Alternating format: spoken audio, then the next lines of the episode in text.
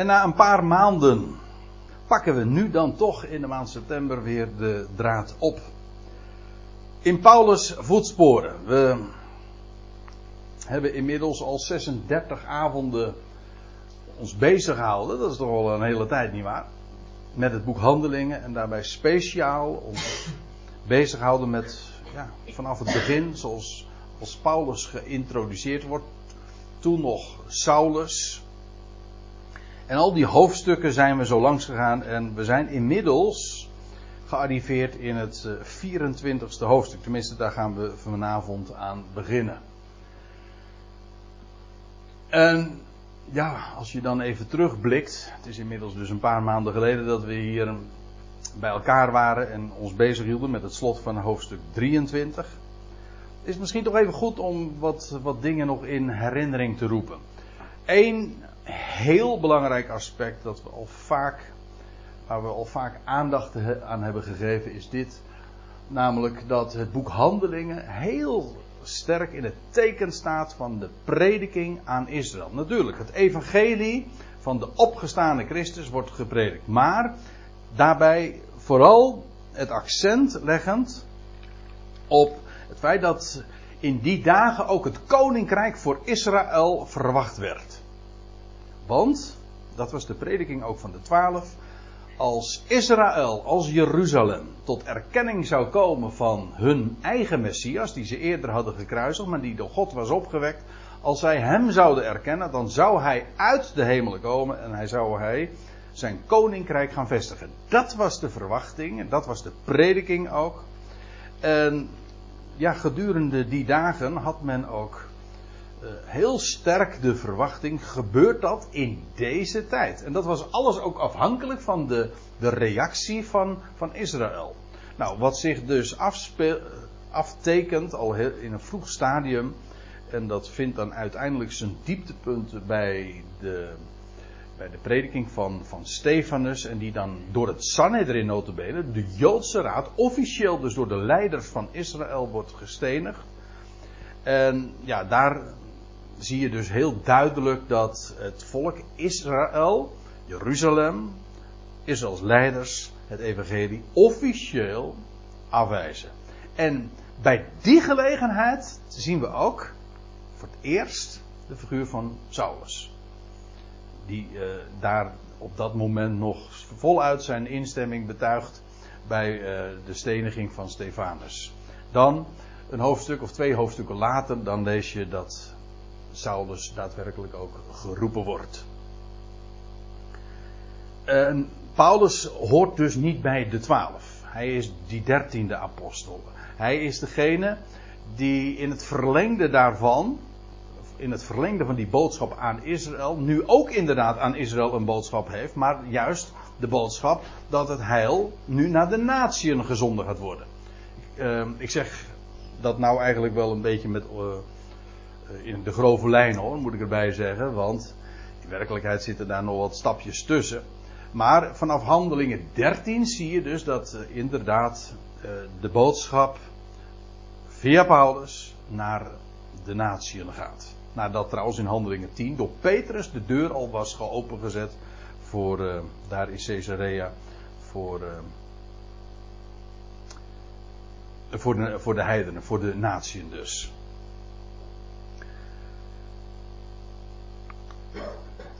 Vanaf Handelingen 21, dat is dus wat we het vorige seizoen al uh, uitgebreid hebben bezien. Want goed, ik zei al, we gaan nu met Handelingen 24 beginnen. Maar vanaf Handelingen 21, dat is ongeveer halverwege het jaar, uh, halverwege het seizoen dat we daarmee begonnen. Zien we dus dat Paulus uh, gevangen genomen wordt als hij in Jeruzalem is gearriveerd. En ja, wat je dan ook ziet, dat ook Paulus' boodschap aan Israël is dat door Jeruzalems afwijzing, dat is wat hij ook predikt, vanwege Jeruzalems afwijzing van het evangelie wordt de redding, de boodschap van redding en de, van de redder naar de natieën gezonden. Wordt de redding.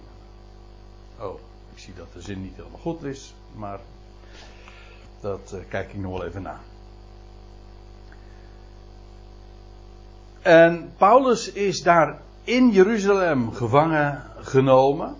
op een valse beschuldiging. En feitelijk de rest van het, de, de geschiedenis, zoals Lucas hem optekent, dus tot en met handelingen 28 aan toe, is dat de Paulus-positie. Paulus zag er enorm tegenop. Hij wist, hij moest naar Jeruzalem gaan. Hij, hem is ook van alle kanten geadviseerd om dat niet te doen, omdat men ook al die bui zou hangen. Echt een zware donderbui. Hij zou in Jeruzalem gevangen genomen eh, gaan worden. En dat is ook daadwerkelijk gebeurd uh, tijdens het Pinksterfeest. Dat is een heel opmerkelijk contrast. Zo glorieus als het dan in Handelingen 2 begint met Pinksteren. Zo donker is het als Paulus dan arriveert in, in, met, de, met het Pinksteren in, in Jeruzalem. Want daar, ja, dat markeert zijn gevangenneming. En dat is Paulus' positie vanaf dat moment, vanaf Handelingen 21. En dus ook uh, dat we de komende avonden, dat we dit seizoen de, ons verder weer bezig gaan houden met, uh, met dit thema, zullen we dat gewoon voortdurend blijven zien. Dat Paulus uiteindelijk dan in Rome arriveert. Wat we gezien hebben, misschien is dat nog eventjes goed om op te merken.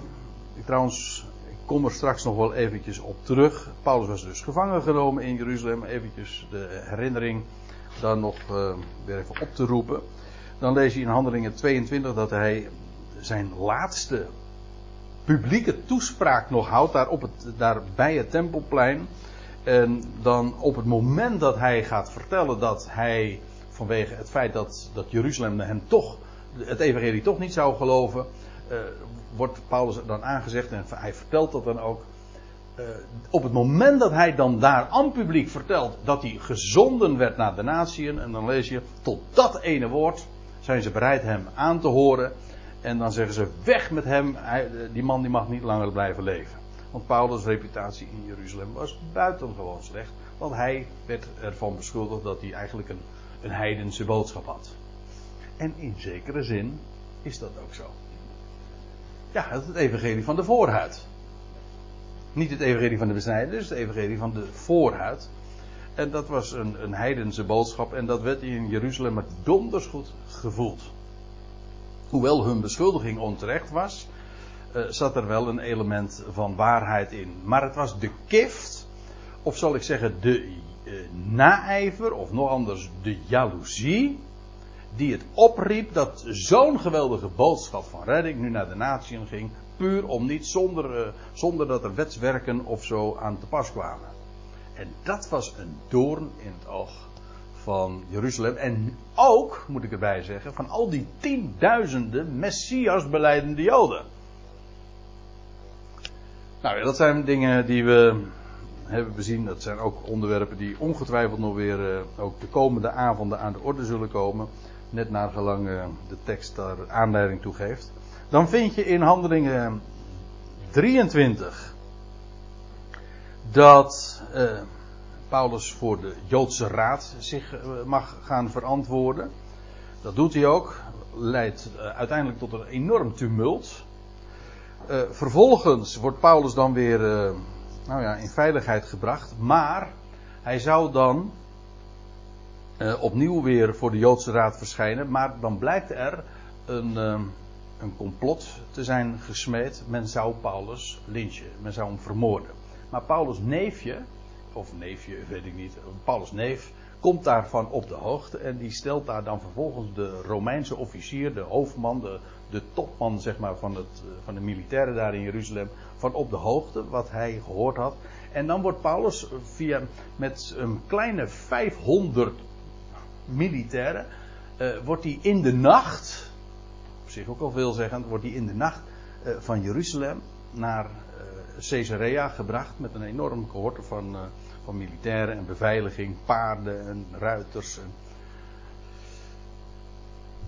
En, zo wordt Paulus dus uh, in veiligheid gebracht. Opmerkelijk dat dus Paulus, de Jood Paulus, beschermd moet worden door de Romeinen om niet door, daar in Jeruzalem vermoord te worden. Nou, en zo uh, arriveert hij dus, en dat is het slot van Handelingen 23, hij arriveert dan in, uh, in Caesarea, daar in het noorden van, uh, van Israël. Een grote Romeinse vesting. Genoemd naar de keizer, keizer, Caesar. Hè? Caesarea, dat is gewoon het. Waar ons woord keizer trouwens ook nog weer van afgeleid is. En daar, is, daar bevindt Paulus zich dan. Hij zou daar trouwens ook twee jaar vertoeven. Ook daar komen we nog uh, op terug. Op die, uh, volgens mij hebben we daar al een paar keer uh, aandacht aan gegeven. Ja, dat weet ik wel zeker. Dat Paulus daar twee jaar dan vertoeft. Want die twee, termijn van twee jaar komen we iedere keer weer tegen. Ook in het boek Handelingen. Dan nog eventjes uh, wat de structuur van het hoofdstuk betreft. Als we ons nu dus gaan bezighouden met verhandelingen 24. Paulus is daar dus in Caesarea. En hij gaat, en in mijn Bijbel staat erboven, Paulus voor Felix. Felix is de stadhouder. Uh, zeg het goed? De procureur, ja. En zijn naam betekent gelukkige. Mooie naam, Felix. Later uh, moet hij plaatsmaken voor een andere, voor een andere stadhouder, die heet Festus. Ook daar wordt Paulus dan voorgeleid. Maar goed, even nu handelingen 24. Dat is heel opmerkelijk. Ik heb u al zo vaak erop gewezen. Uh, die structuren, waardoor je een lijn ziet, in, in het kort ook een overzicht van zo'n hoofdstuk en hoe er ook een, een, een bijzondere lijn loopt. Uh, in vers 1, dan lees je Felix en dan dat hij op de rechterstoel zich zet. Deze woorden worden niet gebruikt, maar dat is het idee. Paul, Felix op de rechterstoel en dan vervolgens van vers 2 tot 4, dan is het ene Tertullus die dan uh, het woord gaat voeren en die, die introduceert zichzelf ook en dan vervolgens komt de aanklacht aan het adres van Paulus, vers 5 tot 9. Dan krijg je uh, dat, dan lees je dat Paulus het woord gaat voeren. En ook hij introduceert zich. En dan vervolgens als reactie op de beschuldiging krijg je zijn verdediging. En dan eindigt het hoofdstuk met het rechterlijk besluit. Dus u ziet iedere keer ze hier die lijnen en dat loopt dan gewoon. Dus het begin en het eind loopt parallel. En dan de Tertullus die de aanklacht uh, uitspreekt en Paulus die zich verdedigt. Dus een hele eenvoudige structuur, maar ook een duidelijke lijn zo in dit hoofdstuk. Nou, als we, als we dat zo hebben gezien, dan kunnen, we, dan kunnen we de draad op gaan pakken in vers 1. Er staat na vijf dagen nu, dat wil zeggen gerekend vanaf Paulus arriveren in Caesarea. Na vijf dagen nu, ik, om, op die termijn komen we trouwens straks nog even terug, want je kunt het allemaal keurig op een, op een rijtje ook zetten hoe dat uh, gegaan is. Maar goed, Paulus is dus inmiddels de vijfde dag daar in Caesarea. En dan lees je dat uh, de hoge priester Ananias afdaalde. Uh, ja, in de MBG-vertaling staat dan kwam. We hebben er al verschillende keren aandacht aan gegeven dat terwijl Lucas dan moeite doet, of, ja, of in, in het Grieks dan met precisie ook staat van hoe dat dan ook geografisch uh, gelegen is. En dat als je van Jeruzalem naar Caesarea gaat, dan daal je af. En dus, maar hij kwam maar niet zo. Nee, hij, hij daalde af. En dat was de hoge priester Ananias. Die naam hebben we trouwens, zijn we al eerder tegengekomen. Alleen, dat was een heel andere figuur. Dat was Ananias.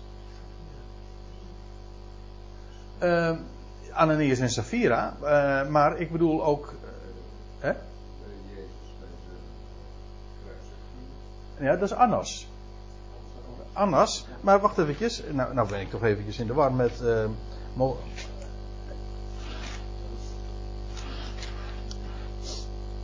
met, nee, maar ik, ik, ja, ik bedoel uh, Ananias en Safira. Maar ik bedoelde eigenlijk dat als Paulus uh, in Damascus is gearriveerd, dan komt hij bij Ananias in huis. Hij heeft, uh, de naam wordt dan nog verschillende keren herhaald. Dus dan komt, Paulus komt in het huis van Ananias, heel mooi. want uh, Ananias is eigenlijk Ganania, dat is de Hebreeuwse uitspraak. Ananias is de Griekse manier van zeggen of en uitspreken, maar dan de, de Hebreeuwse is Ganania, maar Ganania betekent Ga, uh, gan, dat heeft te maken met gen, gein, gen, uh, dat is genade. En dat ja is uiteraard de godsnaam, dus genadig is Yahweh. Nou, die uh, Ananias waarbij Paulus in het huis kwam, dat, dat, die droeg die naam terecht. Deze hoge priester bepaalt niet, dat zullen we ook nog wel zien. Maar één ding is wel duidelijk dat als Paulus dan in Caesarea is uh, gearriveerd en daar al vijf dagen vertoeft, dan vervolgens komt een hele hoge de delegatie van de Joodse Raad. Notabene met de, de hoge priester. En dat is, een, dat is nog weer een, een, uh, een flinke reis die uh, men heeft ondernomen om naar Caesarea toe te gaan.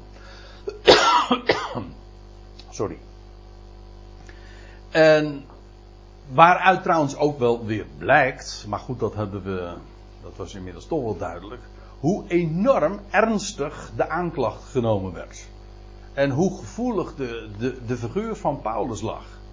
Dat nu, notabene, met enige oudste, of ouderlingen, ouderen, senioren, presbyteros, maar in ieder geval enige oudste, met de, de hoge priester hemzelf, naar Caesarea toekomen. Goed. En niet alleen de hoge priester en enige oudste, maar ook nemen ze een, een zekere uh, Tertullus mee. En hij, heet, hij wordt genoemd een redenaar. Dat is wel aardig, want in het Grieks staat daar retoros. En dat is waar we ons woordje retoricus in herinneren, herkennen. Retoriek. Of retorisch. Komt allemaal uit het Grieks en dat heeft dus te maken met, een, ja, met redenen, redeneren. Nou, vooral een reden uitspreken. Retorica. Hm? Iemand die uh, leert in het openbaar spreken, die gaat een cursus retorica doen. Nou, dit was een, een, een, uh, ja, een redenaar. Dat was zijn beroep, zeg maar, zijn professie. En wij zouden dan in dit verband zeggen dat het een soort advocaat was. Hij moest in ieder geval het woord voeren voor uh, Ananias en de oudste, die Joodse delegatie. Of hij zelf, hij, heeft een Griekse naam, Tertullus, of nou eigenlijk een, nee, een Latijnse, een Romeinse naam. Maar dat zegt op zich niet, als je, we maken uit het vervolg op dat het waarschijnlijk toch een Jood is geweest. In ieder geval, hij spreekt namens de Joden. Uh, die horen dus alle, deze horen dus bij de, de delegatie. En dan staat er die hun klachten tegen Paulus kenbaar maakte bij de gouverneur. Ik heb hier uh, de gouverneur, maar eigenlijk, je zou ook kunnen zeggen, de stadhouder. Dat is gewoon hetzelfde. Degene die. Uh, government, hè? denk maar aan het woordje government. Dat betekent eigenlijk de, de regering. De regeerder over, in dit geval, de stad of over een hele regio. En wel, dat was ook precies wat die Romeinse hoofdman had gezegd toen Paulus inmiddels in veiligheid was gebracht. Hij zei, als, je als je een aanklacht wil uh, uitspreken, dan moet je niet bij mij wezen, dan moet je niet in Jeruzalem wezen, dan moet je gewoon naar de, de stadhouders gaan, naar, naar de stadhouder of naar de gouverneur gaan. En dat doen ze dan ook. Om hun klachten tegen Paulus uh, kenbaar te maken bij de gouverneur. Toen hij, en dan gaat het over Paulus, uh, nu werd geroepen, namelijk om, om voor te komen. Ja, voor te komen, niet te voorkomen, dat is weer wat anders. Voorkomen, voor, voorkomen is beter dan genezen. Nee. Nou, dat, als het gaat om uh, voor de rechtbank verschijnen, gaat dat niet op. Kun je beter niet voorkomen. Uh, zulke grapjes eh, kan, uh, kan ik in dit gezelschap maken, maar die moet ik niet bij mijn Poolse cursisten maken, want daar snappen ze echt geen bal van. Voorkomen en voorkomen. en heel voorkomend, ja. een mooi voorkomen. Kan ook nog. Oh, wat een. Uh, het is maar net hoe je de klemtoon legt en wat de betekenis dan weer bepaalt. Afijn, toen hij, Paulus, werd geroepen, begon Tertullus zijn beschuldiging. Uh, zijn aanklacht dus. Met te zeggen. Nou ja, uh, zijn aanklacht begint, maar hij gaat eerst likken. Vleien. Hè? Veel vrede valt door u ten deel, begint hij. Dat is echt een retoricus. Hè? Iemand die het moet hebben van zijn mond en die heel mooi kan praten. Daar ben je retoricus voor. Veel vrede valt door u ten deel. En verbeteringen of hervormingen, zeggen andere vertalingen, komen tot stand voor deze natie door uw beleid. Dus hij begint met een compliment. Uh, op allerlei wijzen en overal. Nou, dat is zwaar overdreven, om niet te zeggen dat het gewoon onwaar is. Want, uh, ja, dus echt pure uh, vleierij. Want wat we weten van Festus in, uit buitenbijbelse bron. De Bijbel vertelt deze geschiedenis dan. Maar wat we weten van hem, bijvoorbeeld voor, uh, van, van Flavius Josephus, was hij juist een. hij, was hij bekend om zijn bandbestuur. Uh, hij was ook uh, dat, een, een Griekse, een, een Latijnse of een Romeinse geschiedschrijver, Tacitius, die, zei, uh, die kenmerkte hem als wreed en willekeurig. Dus als deze Jood nu zegt van u allerlei wijzen en overal grote vrede, hervormingen enzovoort, dan is dat puur natuurlijk om hem te lijmen. om zo om hem zo voor zich te winnen. Wij verwelkomen dit hoogedele Felix met alle dankzegging. Slijm, slijm, zeggen we dan. Hè? Trouwens, is nog iets, want Flavius Josephus die zegt zelfs dat zijn wanbeleid de oorzaak of de aanleiding is geworden voor de Joodse opstand. Nog weer wat jaren later, in het jaar 66. Dus vier jaren voor de, de definitieve val van Jeruzalem. Er kwam een Joodse opstand tegen het Romeinse gezag. En dat werd, volgens Flavius Josephus, dan toegeschreven vanwege het, aan het wanbeleid, juist ook van Felix. Dus een, jaar wat later zou allerwegen, vanuit het Jodendom in ieder geval, uh, juist uh, precies tegendeel gezegd worden. Maar goed, nu kon men het wel gebruiken om hem te lijmen en dus doet hij dit zo. Wij verwelkomen dit hoogedele Felix met alle dankzegging. Nou, en nou komt hij ter zake. Eh, dat doet hij trouwens wel goed en ook precies zoals hij zegt, want heel kort. Maar opdat ik u niet meer zou ophouden, niet nog meer, in de zin van niet langer zou ophouden, ik wil u niet hinderen, roep ik u op om ons, uh, want hij spreekt namens die, die hoge priester en die oudsten die daar gearriveerd waren, beknopt te horen. Met uw welwillendheid. Weer dat, die vleierij. Want hij doet met uw welwillendheid, dus daarmee suggereert hij dat die welwillendheid echt bij hem hoorde. Nou, dat is. Uh, zo stond die vers dus helemaal niet bekend. Maar goed, hij zegt: uh, Hoor mij aan. Nou, nou begint de aanklacht. Want, zegt hij, wij bevinden dat deze man een pestziekte is. Zo vleiend als hij begon naar Festus, zo venijnig, zo laat, nou laat het is nog uh, te eufemistisch gezegd, is zo, zo grof laat hij zich meteen uit over degene die hij, aan wie, over wie hij nu een aanklacht uitspreekt. Dat is een pestziekte. Alsof, alsof hij dus een, een gevaarlijke en bovendien ook een besmettelijke ziekte bij zich zou hebben. Hij noemt hem een pestziekte. En uh, wij noemen dat dan in het Nederlands, als je, als je zo je presenteert, hè, dan zeg je van naar boven likken en naar beneden trappen. Dus naar boven likken, dat wil zeggen naar vestus je eerst vlijend opstellen. En dan vervolgens oh, degene, uh, want dat was zijn belang natuurlijk, uh, die Paulus, die moest naar beneden getrapt worden. En nou ja, de eerste de beste zin die hij over hem uitspreekt, is, uh, spreekt ook meteen boekdelen. Wij, wij bevinden dat deze man een pestziekte is. En uh, nou komt er wat meer de algemene aanklacht. En zegt hij, een, een aanzetter van oproeren. Onder al de Joden in de bewoonde wereld. Dus niet alleen maar in de Joodse wereld. Maar ook daar buiten in de heel de oikumene. Dat is de eumene, de, de bewoonde wereld. Dus eigenlijk feitelijk uh, in het hele Romeinse Rijk. En vergis u niet, dit is natuurlijk wel een heftige aanklacht.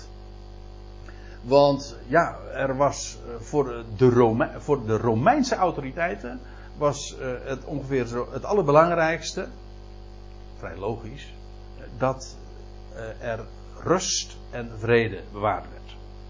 Dus als er nu een aanklacht is van dit is iemand die oproeren veroorzaakt, ja, dan is dat een hele ernstige aanklacht en dat zou dan ook meteen het reden zijn dat die Felix ook zijn oren moest spitsen van oh, hier moet ik voor uitkijken. Ik moet trouwens bijzeggen, uh, maar dat hebben we de vorige keer, maar goed, dat is alweer een maanden geleden. Uh, die Felix had al een brief gekregen van die Romeinse hoofdman in, uit Jeruzalem. Die Romeinse hoofdman over duizend, dat was dus die topman waar ik het zojuist over had. Die had uh, toen hij Paulus in de nacht stuurde met, met die grote escorte van, van militairen. Toen had hij een brief erbij gedaan aan Felix. En, en ook met een korte introductie van dat hij een beetje met zijn handen in het haar zat met deze figuur. Omdat, uh, ja, die Romeinse hoofdman die zei van, ja, eigenlijk is dit een interne Joodse kwestie. Maar u moet het zelf maar uitzoeken. Want het gaat over strijd, over een wet. En daar hadden ze helemaal geen zin in om zich daarmee bezig te houden. Maar goed, nu, eh, dit is de aanklacht. Van, Joodse zijde. Wat had men tegen die Paulus? En, waar, en uh, vooral ook, hoe krijgen we die Romeinen zover? De Rome, in dit geval die procureur, die stadhouder zover, om die Paulus te veroordelen. Nou, dan moest hij dit zo zeggen. Hij is een aanzetter van oproeren onder al die Joden in de hele bewoonde wereld.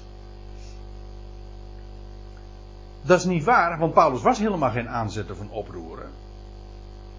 Inderdaad, uh, waar hij was, ontstond twist. Dat is waar. In die Joodse wereld lag dat buitengewoon gevoelig. Dat is, maar dat hij een aanzetter zou zijn van oproeren, we zullen dat ook straks nog zien in die specifieke aanklacht, is absoluut en pertinent onwaar. En Paulus zal dat trouwens uh, straks als in zijn verdediging ook, uh, ook aantonen. een aanzetter van oproeren onder al de, de Joden in de bewoonde wereld. Voorman bovendien van de secte van de Nazoreërs. Voorman, dat staat eigenlijk trouwens letterlijk een, een, het woordje protos. Protos betekent eerste, voorste. Dus niet alleen maar een voorman, maar de, de, eerst, de eerste man. Als er één man was, eigenaardig hè, Paulus, Paulus hoorde niet bij de twaalf. En toch wordt hij hier nu door notabene de, de woordvoerder van de Joodse hogepriester gezegd van die Paulus is eigenlijk de eerste. Hij was de dertiende, maar toch de eerste.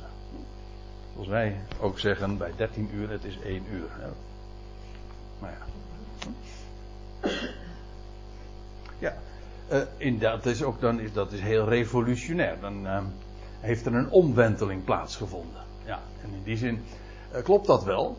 Hij, hij, is uh, hij is een voorman van de secte van de Nazoreërs. Hier klinkt bij dat woordje secte natuurlijk heel duidelijk ook een, uh, iets laatdunkends in door. Ik moet er trouwens bij zeggen, dat woord secte in, uh, in het Grieks, en zoals het in de Bijbel gebruikt wordt, is in principe tamelijk neutraal.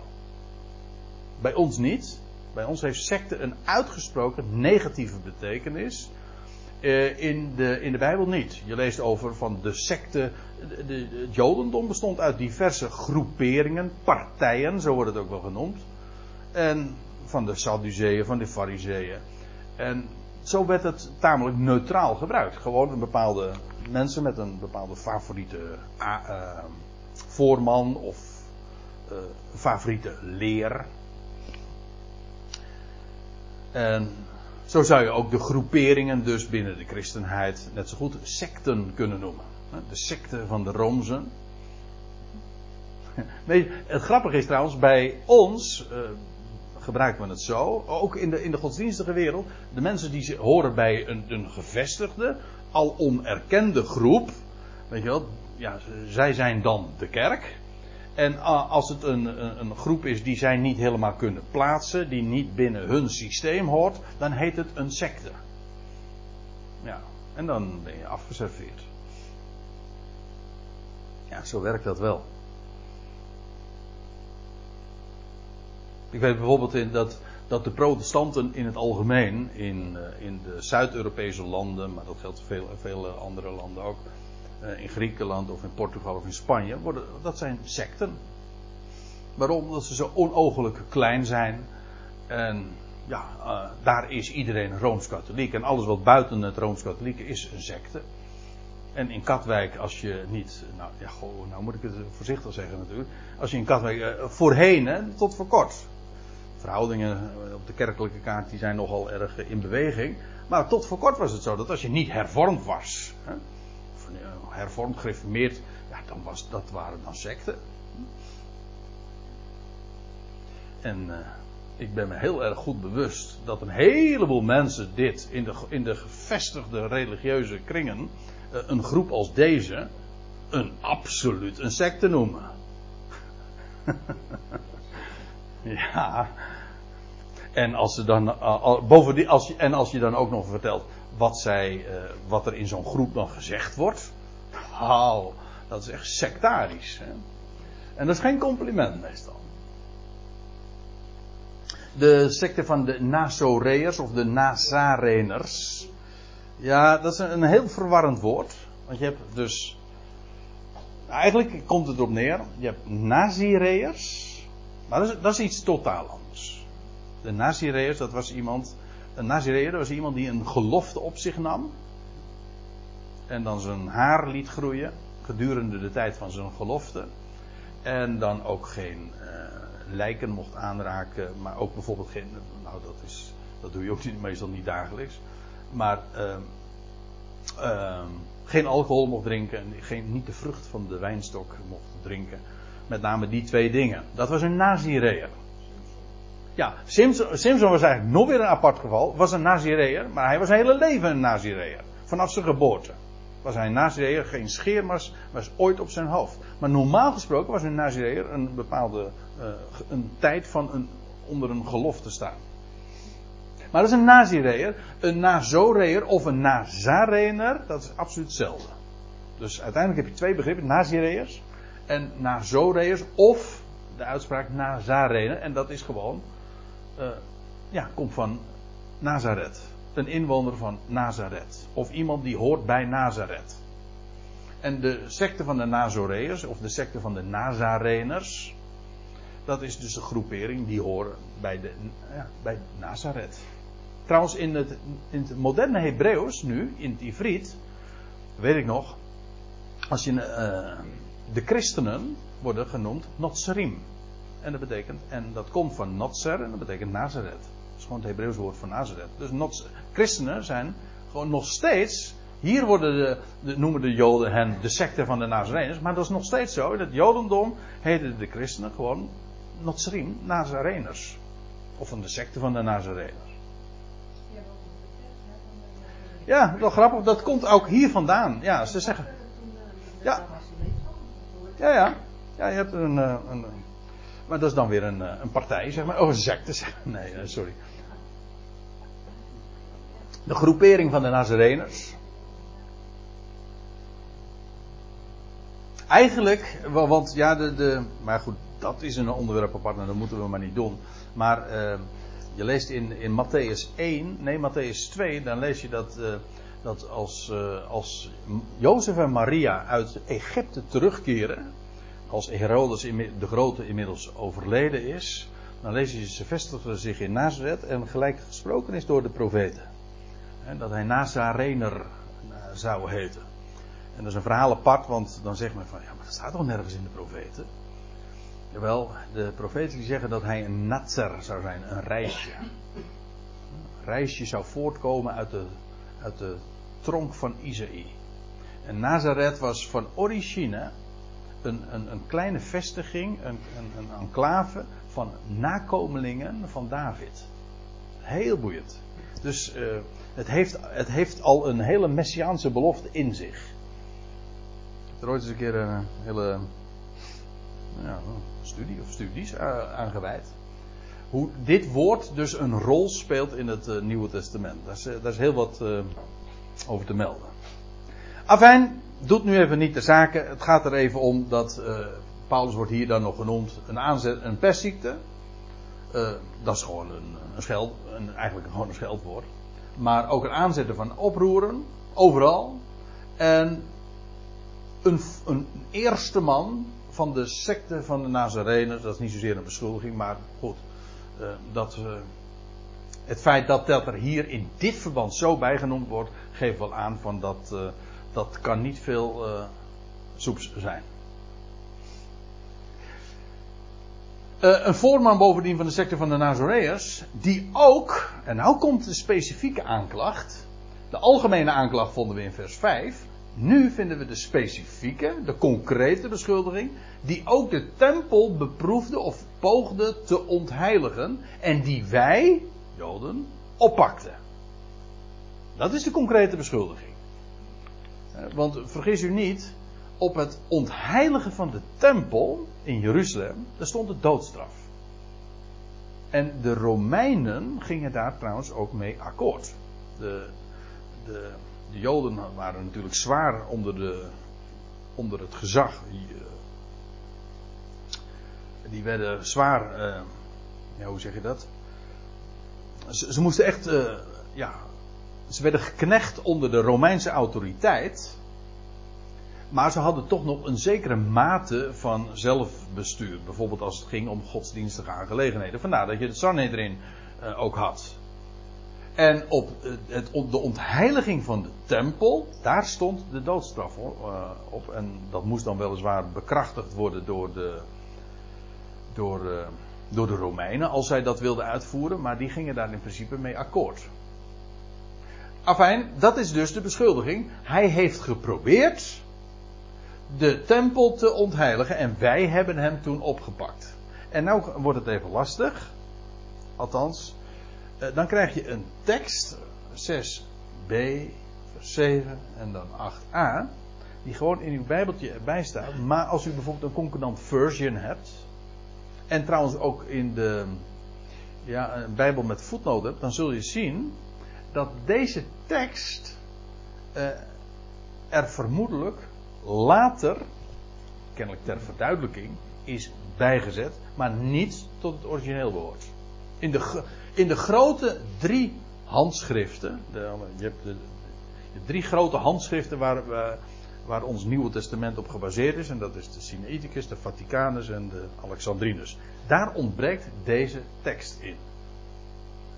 In latere teksten is dit erbij gevoegd. En in de MBG-vertaling, ik weet eigenlijk niet, dat heb ik niet eens nagekeken, of het dan tussen vierkante haken staat. Ja. Ja, het staat tussen vierkante haken. Dat is altijd een aanwijzing dat het, uh, ja, dat het een latere toevoeging vermoedelijk is. Ik zeg het dan nog maar voorzichtig. Maar daar komt het dan toch op neer. Nee, dat is dan weer, weer leuk. Nee, geen, nee, dat is dan weer grappig. Want dat ja, dat heeft te maken, dat is een beetje een vertaaltechnische kwestie. Dat komt omdat de Statenvertaling gebaseerd is. Niet op die handschriften waar ik het zojuist al over had, maar op de, ja, dat heet de Textus Receptus. Dat is een heel, maar dat is een veel latere tekst van het Nieuwe Testament. Uh, ik wil dat niet ingewikkeld maken. Trouwens, het maakt in de praktijk ook niet zo gek veel verschil. Want, uh, nou ja, in dit geval komt er zo'n hele tekst bij, maar de verschillen zijn. Uh, minimaal. Dus doe daar niet al te moeilijk over. Dit is een, inderdaad een typisch voorbeeld wat in de Textus Receptus, waar de Statenvertaling onder andere op gebaseerd is, de King James in het Engels ook, uh, daar vind je dit gewoon zo terug. En in de MBG-vertaling en andere vertalingen uh, geven het ook weer, maar ze waarschuwen je wel van, nou dit is waarschijnlijk een latere toevoeging. En in de Concordant Version, eh, dat is grappig, daar ontbreekt het helemaal. Die, die hebben het er helemaal niet bij gezet, want ze zegt van het is gewoon een latere toevoeging. Kortom, je moet het gewoon overslaan. Dat ik, dat ik dat dan toch even noem, is omdat je het in onze Bijbel gewoon tegenkomt.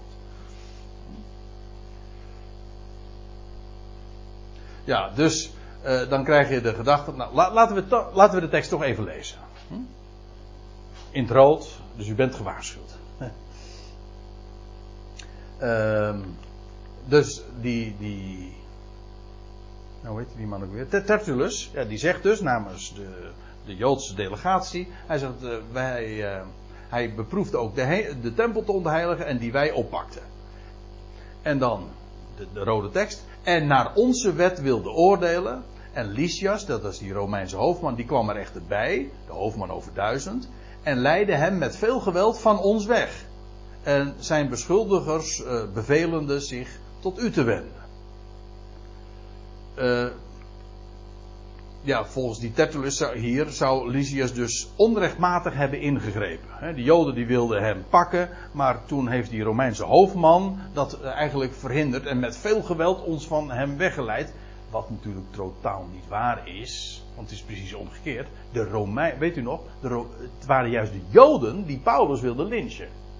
En het zijn toen, toen, uh, toen de Romeinen er, uh, er lucht van kregen van dat daar een oproer plaatsvond, hebben ze Paulus in veiligheid gebracht. Want anders hadden de Joden zonder vorm van proces Paulus gewoon al daar ter plekke vermoord.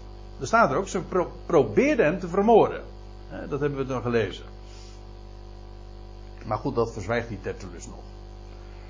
Afijn, ik wil deze tekst, ik lees er even bij, maar goed. Tussen, onder groot voorbehoud, omdat het vermoedelijk ontbreekt.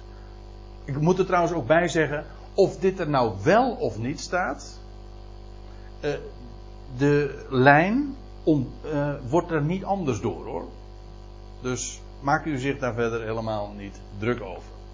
Afijn, hier pakken we de raad op.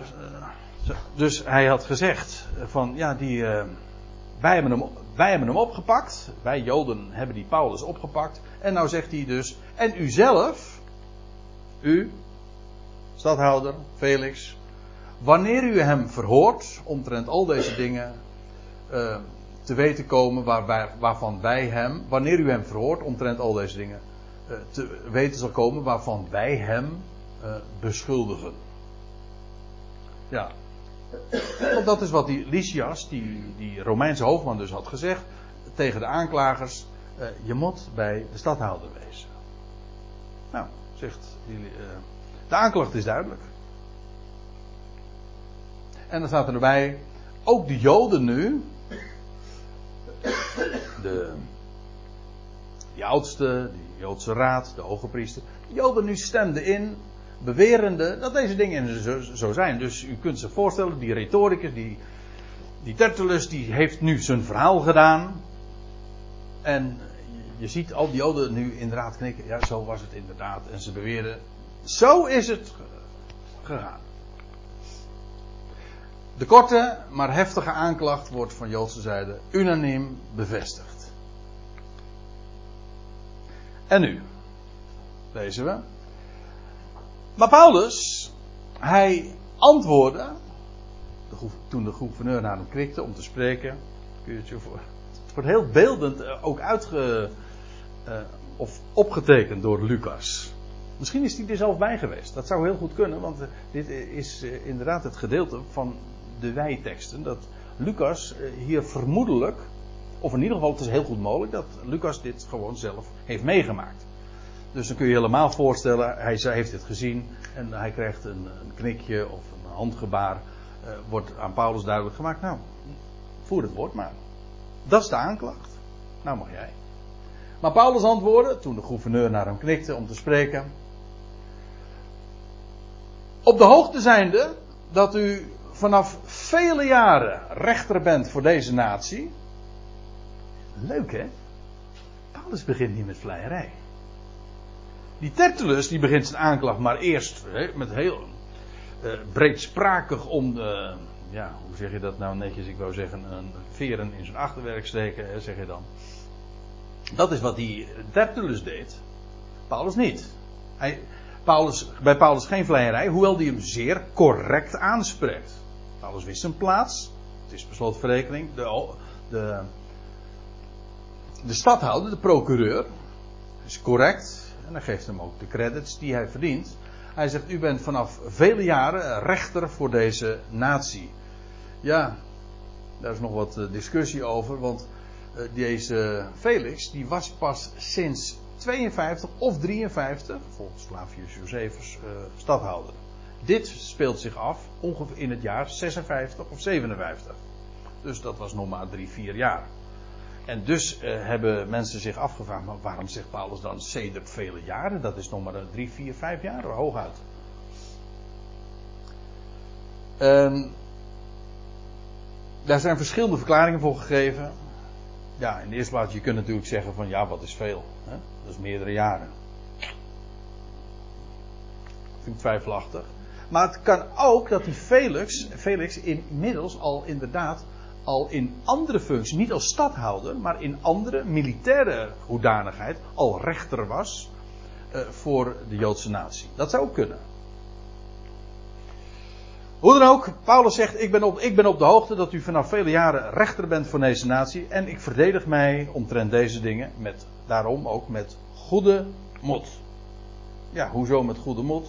Hij zegt: U bent rechter en ik ben onschuldig. Dus uh, ik kan mij deze goede moed ook verantwo- verantwoorden. En ja, dan gaat hij zijn verdediging beginnen. Maar ik denk dat wij er verstandig aan doen. Nu eerst even te gaan pauzeren. En dan gaan we straks naar Paulus' verdediging luisteren.